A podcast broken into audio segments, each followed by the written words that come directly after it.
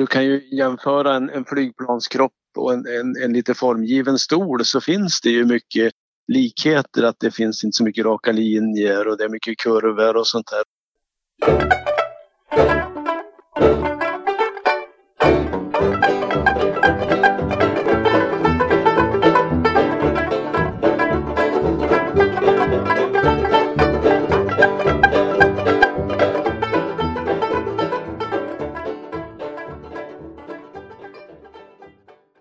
Året är 1941 och platsen Manhattan i New York med sina art deco-landmärken som Empire State Building och 30 Rockefeller Plaza. Gatorna är fulla av liv och rörelse. Från gatuförsäljarnas stånd sprids en doft av friterad fisk och på gatorna passerar eleganta blanksvarta bilar från Ford och Chrysler.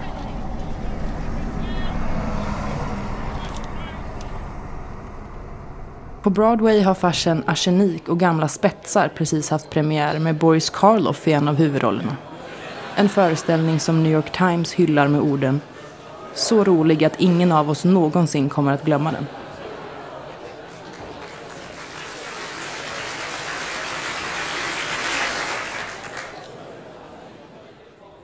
Men i omvärlden fastnar skrattet i halsen. Sedan två år tillbaka skakas världen av andra världskrigets fruktansvärda härjningar. USA har valt att hålla sig neutrala för att slippa kriget. Det amerikanska folket är emot en inblandning i det som de flesta amerikaner anser vara en europeisk angelägenhet. Men i takt att Hitler lägger allt större delar av världen under sig svänger opinionen sakta men säkert. Samtidigt förbereder president Franklin D. Roosevelt landet för det krig han är övertygad om snart kommer drabba också USA.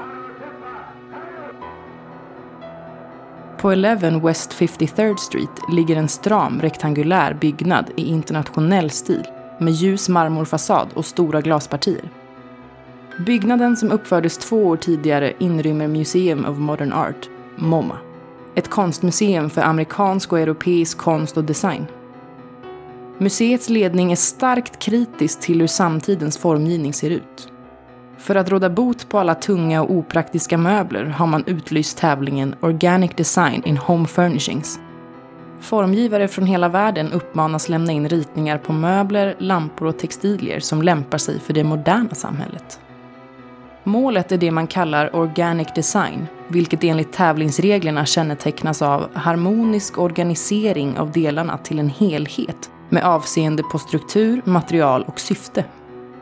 Vinnarna ska presenteras på en utställning under senhösten i museets hypermoderna lokaler. Utöver prispengar lovas de vinnande bidragen också kontrakt med ledande producenter för att snabbt få ut den nya formgivningen i de amerikanska hemmen. Dessa stora löften kommer aldrig att infrias, men det vet man naturligtvis ingenting om när utställningslokalerna på Manhattan börjar förberedas för utställningen i november 1941.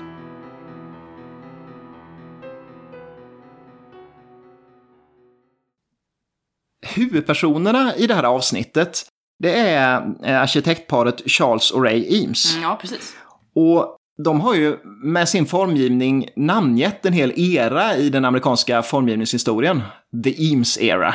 Alltså det är ju så coolt. jo men det är ju om man söker på Ebay och sådär så är det en, ett eget sökord. Alltid.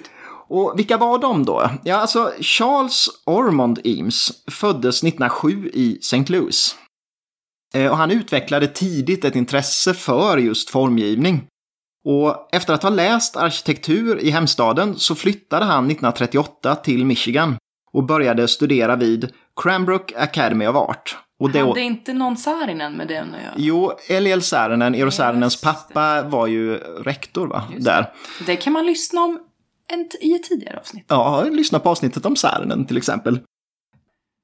Det, här med Cranbrook, det får ju en avgörande betydelse får man ju verkligen säga för Charles Eames eh, fortsatta karriär.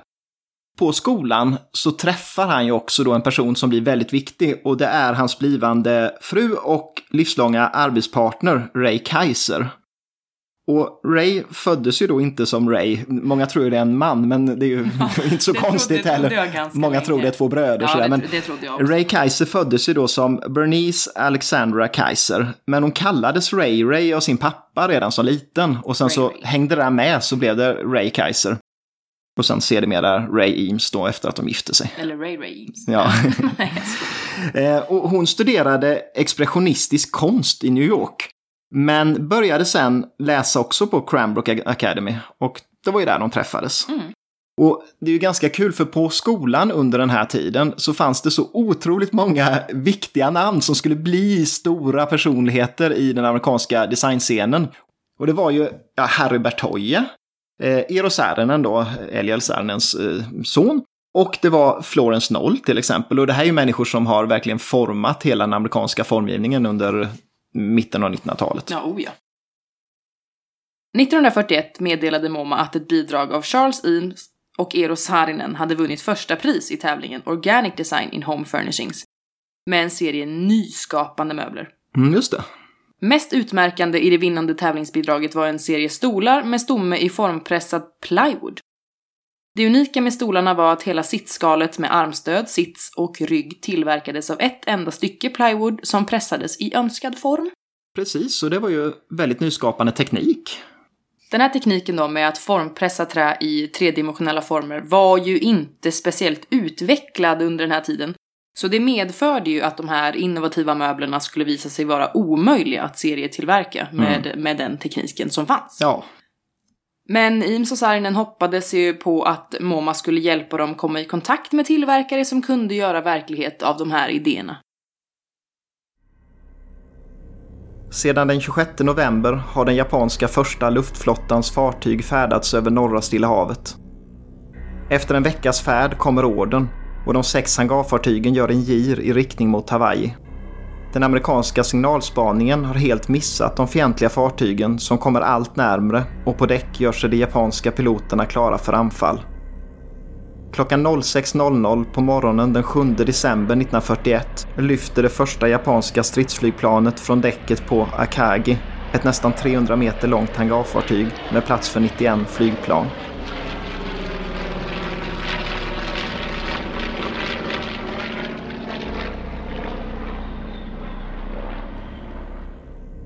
Med skrikande motorer lyfter i tät följd ytterligare 182 flygplan som formerar sig och sätter kurs mot anfallsmålet som nu är mindre än två timmar bort.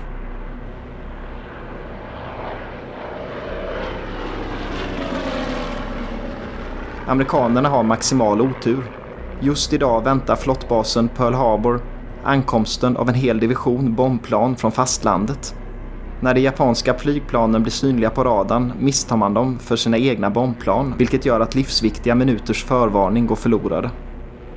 Likt en svärm ursinniga bålgetingar närmar sig de japanska flygplanen Hawaii och när amerikanska fartyg blir synliga vid horisonten ger flygstyrkechefen sin legendariska anfallsorder Tora, Tora, Tora.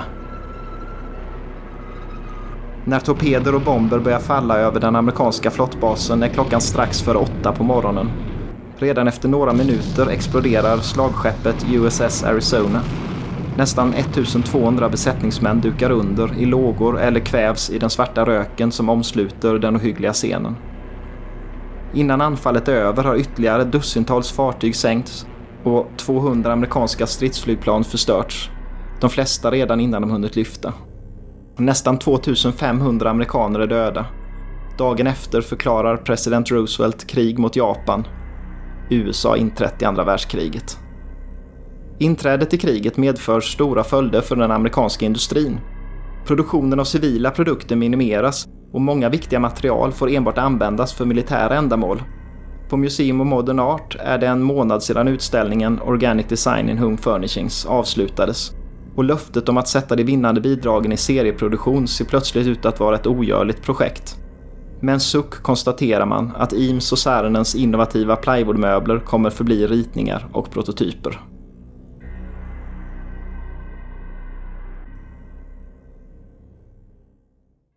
Redan innan utställningen på MoMA äger rum flyttar paret Eames västerut till eh, LA. Mm. Flytten var en stor risk. Deras utbildning var inte tillräcklig för att få en arkitektlicens i LA. Nej, det är ju synd. Ja, det blir fel kan man säga. Dessutom var deras kontakter i Kalifornien så gott som helt eh, obefintliga. Mm. På pappret var alltså flytten till LA allt annat än ett genidrag för ett par som ville skapa sig en karriär inom arkitektur och formgivning. Mm.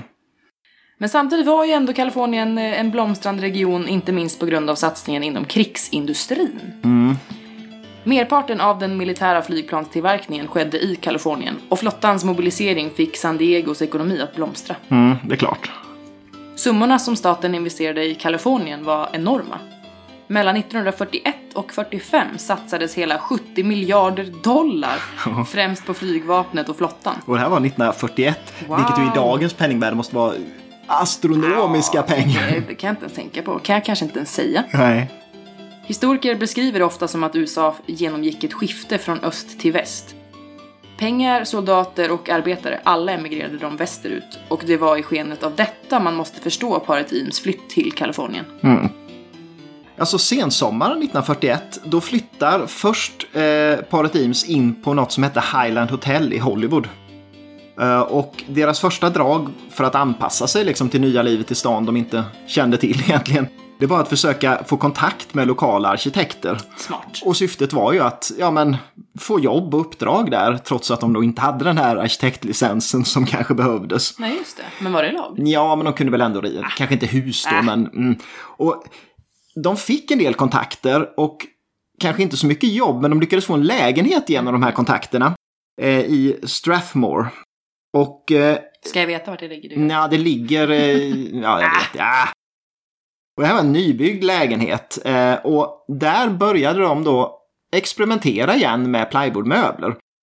Och byggde en stor maskin för den här formpressningen och den maskinen de kallade Kazam. Och det, var, det har att göra med det här Al-Kazam är väl så här som abrakadabra ungefär man Vad säger. svenskt du sa det. Jag vill säga lite mer Kazam.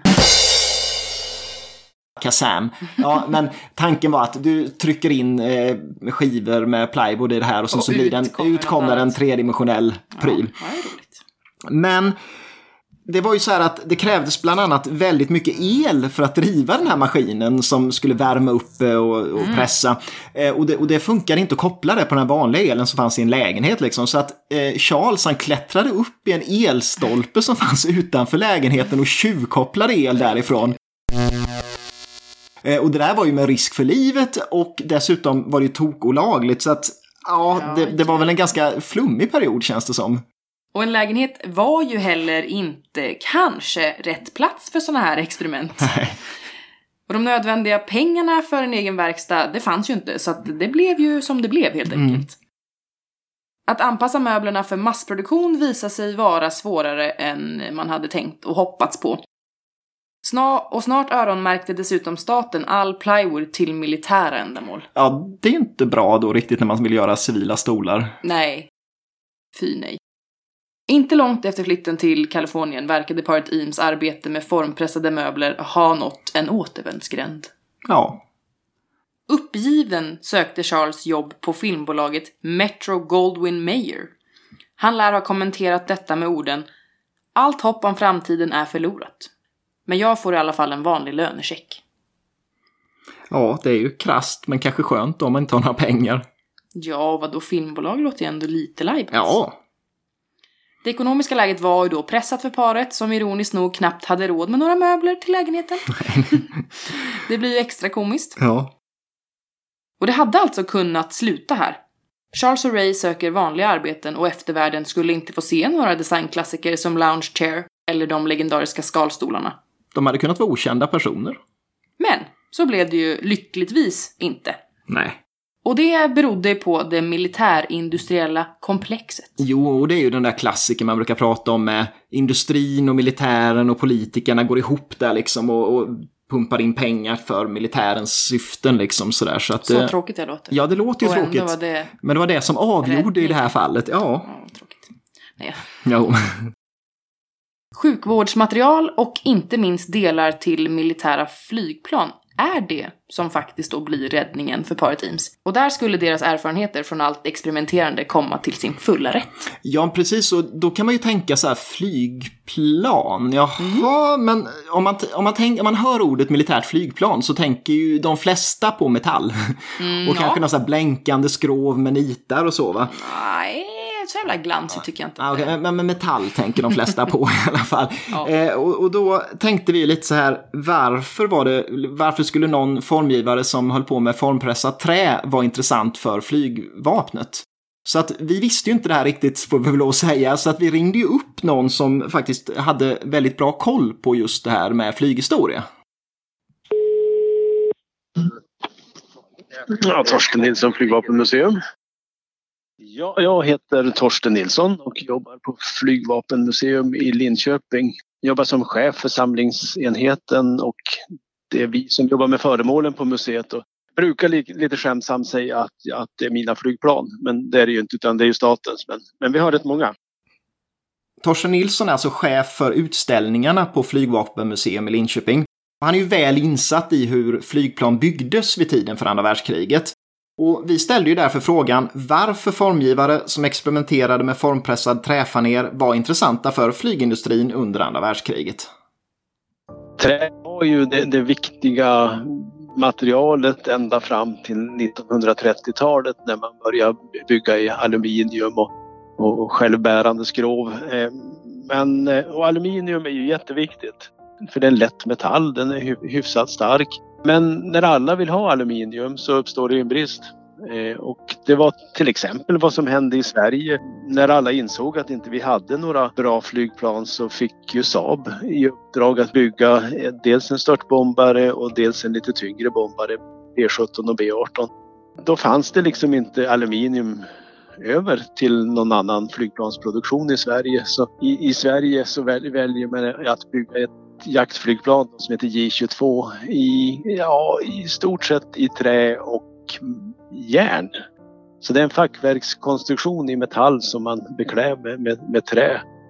Trä har ju den egenskapen att det är ganska lätt och det är ju rätt tåligt också. Man jobbade med björkfaner på just det här flygplanet.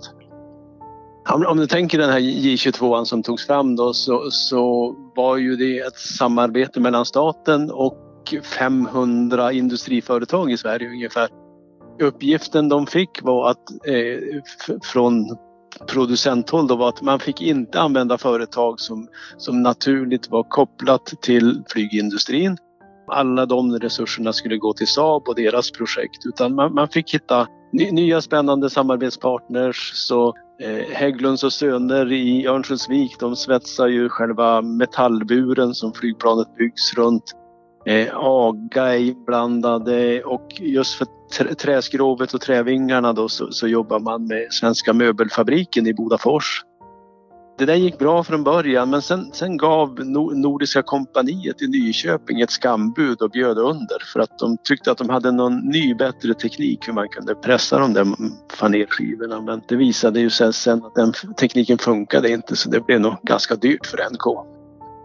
Och det man pratar om väldigt mycket är att det här industriprojektet med J22 skolade ju de här 500 industriföretagen i kvalitet och i, i teknik. Eh, för flygkvalitet är ju något annat än an, annan kvalitet. Och, eh, ja, men de lärde sig väldigt mycket om hur saker skulle framställas så att de passade och var utbytbara. Materialbristen var ju stor under andra världskriget. Det gick inte att obehindrat importera material från utlandet. Och eftertraktade metaller användes bara där de allra mest behövdes. Trä däremot kunde hämtas direkt från skogarna och var därmed ett lättillgängligt material. Inte helt förvånande att man försökte använda trä till skroven på flygplan när aluminium var en dyr bristvara. Det svenska stridsflygplanet J22 från det tidiga 1940-talet är alltså ett exempel på ett flygplan byggt i just träfaner.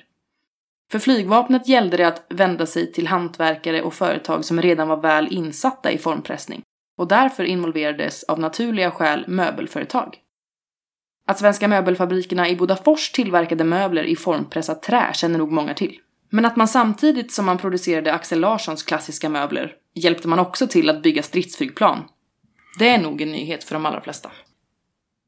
Och det var givetvis inte bara i Sverige som trä åter började användas i flygplanstillverkningen.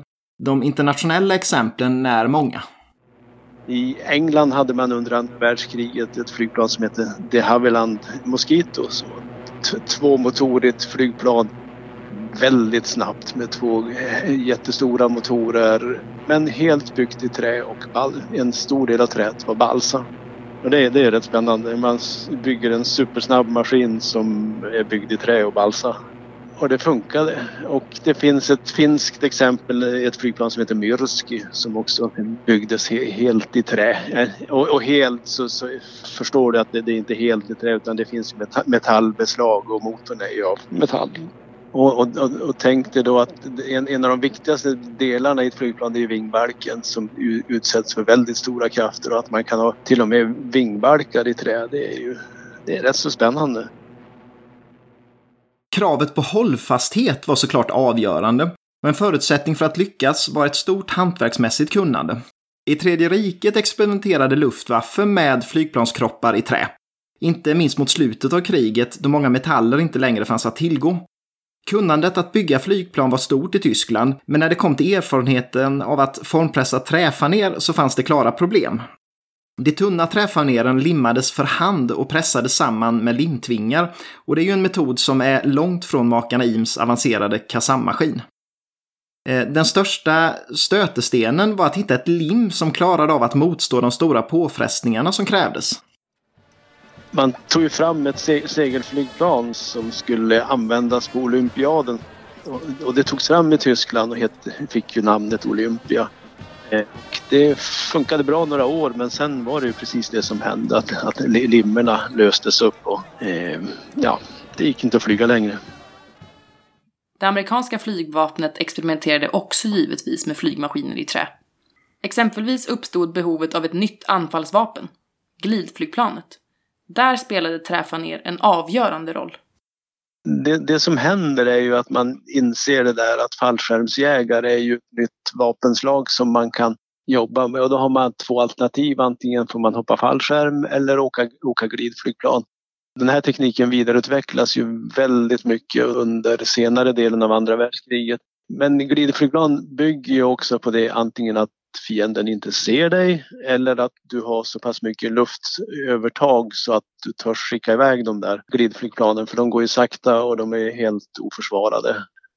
Vid, vid landstigningen i Normandie så används det väldigt mycket glidflygplan de fraktar då soldater eller lätta kanoner eller, eller jeepar och de byggs ju på precis det här sättet vi har pratat om att de ska vara enkla att producera, det ska vara ett material som ingen annan behöver, ja men då blir det trä. Eh, och det här är ju engångsprodukter. De ska göra ett uppdrag, sen är det nog inte så mycket mer med dem. Men flygtekniskt så behöver du ju en rejäl utbildning för att eh, manövrera ett glidflygplan också. Och både, både Amerika och England vidareutvecklade ju sådana här glidflygplan och, och, även i Sverige så testades det. Så det byggdes fem stycken glidflygplan. Det skedde tyvärr ett haveri ovanför Vättern när, när ett av de här glidflygplanen, ja, en vinge gick av helt enkelt så att det, det, det kraschade och då, och då la man ner det. Under andra världskriget betraktades flygplan som förbrukningsvaror, hur krasst det än låter. Man visste ju att ett stort antal skulle komma att förloras i strid och därmed snabbt behöva ersättas med nya.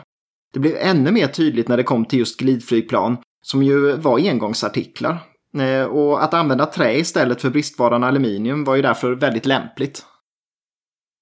Ja, och för då Charles och Ray Eames så innebar ju militärens intresse för plywood oanade möjligheter i och med att de var ju, det var ju deras grej att hålla ja, på med det här. De kunde något. Ja, och allting började med en vän till dem. Det var väl någon de kom i kontakt med nere i, i Kalifornien. Och han var... Nere och nere? Ja, Eller, ja, det blir, ja, det blir det ju lite från han var innan. Men, eh, och han var i alla fall en läkare inom flottan. Och, han hade ju sett deras arbete med plywood och insåg att det här kunnandet kan verkligen komma till nytta i militären. Och exempelvis så hade han sett då att de benspjälor, alltså där man stöttar upp brutna ben med, de, de som eh, flottan använde, de var i metall.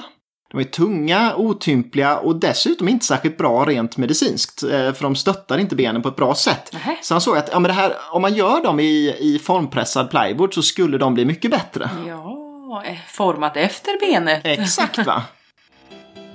Paret Eames kastade sig då över det här projektet med hjälp av många kollegor. Mm. Det visade sig dock snart att arbetet skulle bli allt annat än lätt.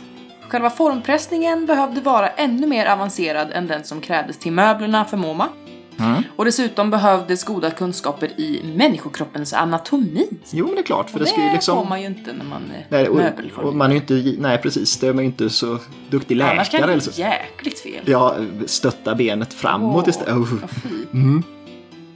Charles använde sig själv som försökskanin och Såklart. lät gång på gång gjuta av sitt eget ben med varm gjutmassa med återkommande brännskador som följd. Ja, det finns någon lite kul anekdot där han har gjutit in sitt ben precis när det blir flyglarm och man måste mörklägga och den typ bränner fast den här gjutmassan på hans ben. Så det var nog en ganska experimentell period det här. Ja, det låter så. Men hur som helst, eh, eh, arbetet gick ju ja, ganska snabbt framåt.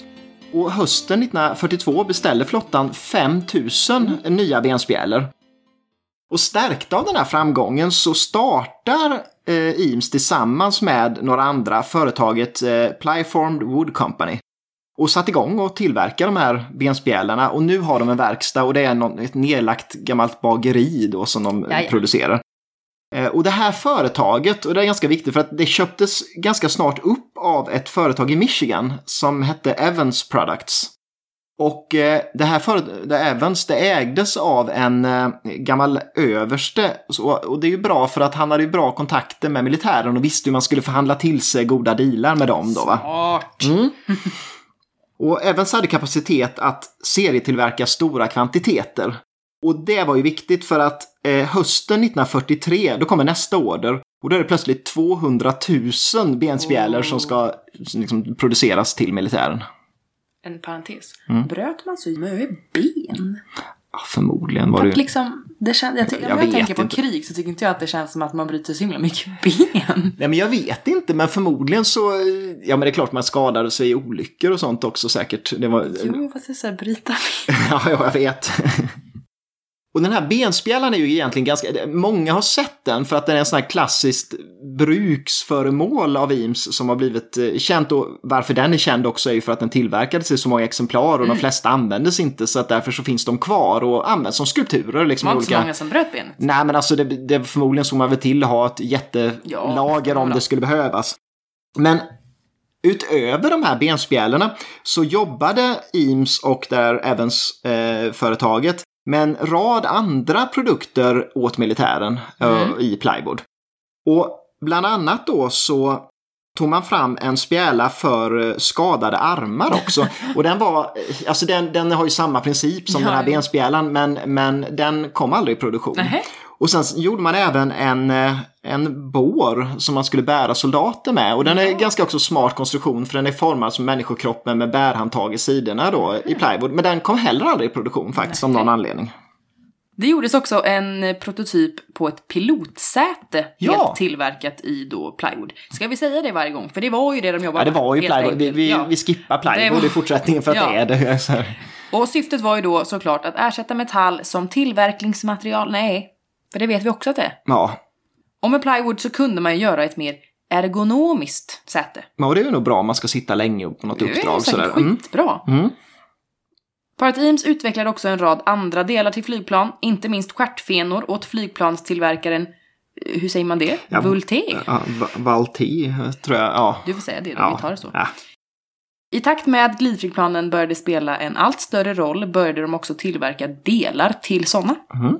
Man gjorde då allt från fenor och roder till hela nossektioner. Och det är ju ganska, det är ju där det blir så här helt bisarrt för att de här flygplanen är ju liksom så här strömlinjeformade Ja. och böjde de så här kanske 5-6 meter breda plywoodstycken i så här figur. de? Alltså otroligt avancerat. De lär ha byggt en, en mycket större då Kazam-maskin på, åt militären. Kan Ja. säga. Mm, säga.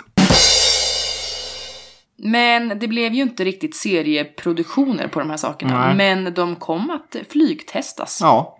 Och funka eller? Ja, de funkade och det sätter ju extrema krav naturligtvis på att, att det här är hållbart och Mm. så. Så att ja. Ja, verkligen. Ja, och därför kan man ju säga att liksom, militären var en fantastisk experimentskola för makarna Eames. Det är ju det här som är så, så intressant, för det går ju liksom från att de har bestämt sig för att lägga ner, lägga det här med arkitekt och formgivning och så på hyllan, till att de ska kunna satsa fullt på möbler direkt efter kriget. Det beror ju på det här, ja, den här experimentskolan som, som kommer till under kriget. Och, eh, vi är ju inte pro-war. Nej, eh, absolut inte. Men i det här men, men i det här fallet- fallet så blev det också för att kriget förutsätter ju standardiseringar och massproduktion som också är en förutsättning för att kunna massproducera möbler och det var ju Ja. det det hade fallit på tidigare. Ja. Och kanske just på grund av det här med standardiseringar och så och dessutom hållbarhet så är ju skillnaden mellan flygplansdelar och stolar inte så stor egentligen. Och det var något som eh, Torsten Nilsson också betonade när vi pratade med honom. Och du kan ju jämföra en, en flygplanskropp och en, en lite formgiven stol så finns det ju mycket likheter att det finns inte så mycket raka linjer och det är mycket kurvor och sånt där. Och, ja, men det är klart man lärde sig mycket av det här. Eh, och att, att gå från en flygplanskropp till en stol eller andra vägen det är nog inte så väldigt lång väg. Därför var det ju knappast förvånande att makarna Eames kunde presentera en serie formpressade trämöbler redan året efter kriget. Ja, precis. Trots förbud att använda plywood till civila ändamål hade man redan under kriget experimenterat med en rad möbelprototyper parallellt med den militära produktionen. Ja, var Busigt. ja, men det var lockande att slänga in, kan vi inte testa om det här funkar som en, ett ryggstöd också? Ja, så. det är busigt. Ja. Flera av möblerna som lanserades 46 är idag klassiker Mm. och finns fortfarande i produktion. ja, Och det är ju en klassiker. det är ju en klassiker om den har Om det funnits. funkar idag ja. också. Matstolen DCM är ju ett exempel på dessa. ja, och vad betyder det? Ja, det har ju du lärt mig. Ja, Det och, är ingenting jag kan. och det är? Dining height side chair on metal rod base. Precis. Och, och det... Dining height side chair. Det är ju eh, komplicerat, det är svårt att komma ihåg. Jo, men, men det är Fast ju... ändå inte va? Och det säger ju väldigt mycket hur den ser ut. Hur ser den ut? Ja, den har ju då en eh, stomme i stålrör. Det är Mm. tydligt i namnet. Ja. Och sits och rygg i två formpressade trästycken. Ja. Ganska enkelt egentligen, men nyskapande på den tiden verkligen. Ja, men det finns ju en annan variant på den här också som har en stomme i, alltså där det inte är stålrör utan att det är hela stolen är i, i formpressad eh, plywood och den, den är ju kanske snyggare egentligen men säkert lite mer, ja, lite svårare att, att tillverka. Och den heter ju DCW. A wood. Wood. MoMA uppmärksammade de här möblerna som kom 46 med en eh, utställning som de kallade då New Furniture Designed by Charles Eames. Eh, ganska Lite rude. Ja, för att Ray Eames nämns ju inte men det är... Nej, och inte det var väl fler än dem också? Ja, men grejen var att den här utställningen, då var det de här stolarna som de hade tagit fram som visades och även lite bord. Eh, så. Och det här stred ju egentligen mot vad kan man säga, mot MoMAs regler. För att de skulle ju inte marknadsföra en kommersiell produkt liksom. Nej. Men förmodligen så låg det väl någonting i att, att de hade ju inte höll, hållit sina löften från förra utställningen. Att de skulle hjälpa dem att serieproducera möbler och så. Så att det kändes kanske lite som att, ja det var lite payback där att ja, nu får ni hjälp Ja, här. det. Och det här, den här utställningen blev en, det blev ju naturligtvis en jättebra start för Makan Eames eh, nya möbler. Men det var inte bara därför den utställningen var viktig utan det var också att möbelföretaget eh, Herman Miller såg möblerna på utställningen. Och det blir ju sen ett samarbete som hänger med än idag. För det är ju Herman Miller som tillverkar Eames möbler Ja. fortfarande. Och grejen var ju lite att, för det var ju det här Evans, det här företaget som tillverkade de första möblerna efter kriget. Men Evans var ju duktiga på att, på att liksom formpressa plywood. Men de visste ju ingenting om möbelproduktion egentligen och ingenting om möbel för att, hur, hur man får ut möblerna i, i eh, samhället och får ut dem till producent eller till vet du, återförsäljare. Och därför så var det väl egentligen en förutsättning att Herman Miller kommer in här och det är ju tack vare Herman Miller eh, och George Nelson som jobbade där som, som Eames lyfts upp och blir den här stora stjärnan sen. Ja. Och det som blir väldigt tydligt i det här avsnittet, det är ju att det är ju under brinnande andra världskrig som makarna Eames tillåts att experimentera hejvilt med plywood. Mm. Och tekniken finns inte innan kriget. Men efter kriget finns den plötsligt och då kan man sätta eh, serieproduktion i de här möblerna. Och det blir ju liksom som en, vad kan man säga, en bieffekt av kriget mm. är att det kommer ut en massa teknologi som kan användas till civila ändamål. Ja. Och det är ju något vi har funderat en hel del på och vi passade på att fråga Torsten Nilsson om varför han tror att krig ofta leder till snabb teknisk utveckling. Svåraste frågan och just den där frågan som jag själv får lite moraliska funderingar kring vad är det som driver? Ja, men kanske att man kan fokusera resurser väldigt tydligare under en konflikt.